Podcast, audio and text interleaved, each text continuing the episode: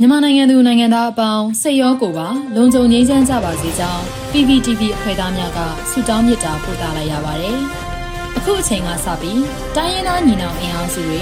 ပြည်သူ့ကာကွယ်ရေးတပ်မတော် PDF တပ်သားတွေနဲ့ပြည်သူလူထုတို့ရဲ့အရှိန်အဟုန်မြင့်လာတဲ့တိုက်ပွဲသတင်းတွေကိုစူးစီးတင်ဆက်ပေးသွားမှာဖြစ်ပါတယ်။ကျွန်မຫນွေဦးလင်းအိမ်ပါ။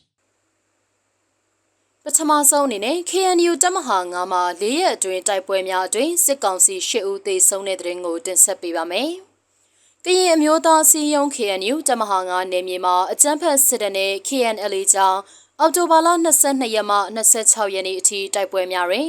စစ်ကောင်စီဘက်မှ၈ဦးသေဆုံးပြီး၄ဦးဒဏ်ရာရကြောင်းမူဒရောသတင်းစင်ရဲ့ထုတ်ပြန်ချက်အရသိရပါဗျ။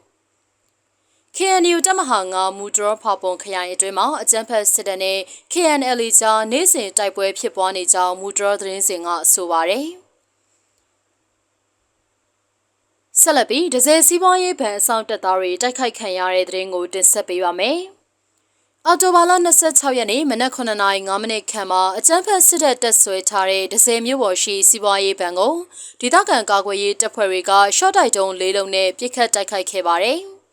စစ်ကောင်စီရဲ့ထိခိုက်မှုကိုတော့အတိမပြုနိုင်သေးပါဘူး။ပေါင်းမြို့နယ်ရဲစခန်းတစ်ခုတိုက်ခိုက်ခံရတဲ့တဲ့ရင်ကိုဆက်လက်တင်ဆက်ပေးပါမယ်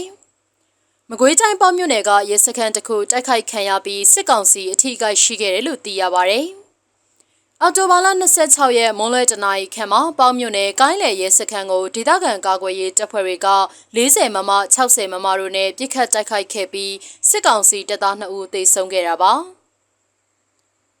နောက်ဆုံးအနေနဲ့မြောင်မြို့ပေါ်ရှိမြမစီပွားရေးဗန်မှာကင်းဆောင်နေတဲ့စစ်သားတွေပြစ်ခတ်တိုက်ခိုက်ခံရပြီး၄ဦးသေဆုံးတဲ့တဲ့ရင်ကိုတင်ဆက်ပေးပါမယ်။စကိုင်းတိုင်းမြောင်မြို့ပေါ်ရှိမြမစီပွားရေးဗန်မှာကင်းဆောင်နေတဲ့စစ်သားတွေပြစ်ခတ်ခံရပြီးစစ်သား၄ဦးသေဆုံးကြောင်းသိရှိရပါတယ်။အော်တိုဘာလ29ရက်နေ့မနက်10:00နာရီခန့်မှာမြောင်မြို့နယ်မြမစီပွားရေးဗန်မှာကင်းဆောင်နေတဲ့စစ်သား10ဦးကို MRE စကိုင်းခရိုင်တရင်9ကဝင်ရောက်ပစ်ခတ်တိုက်ခိုက်ခဲ့ပြီးတေဆုံးကြောင်းသိရှိရတာပါ။ MRE ရဲဘော်များအထိကိမရှိဘဲပြန်လည်ဆုတ်ခွာနိုင်ခဲ့ကြောင်းသိရပါတယ်ရှင်။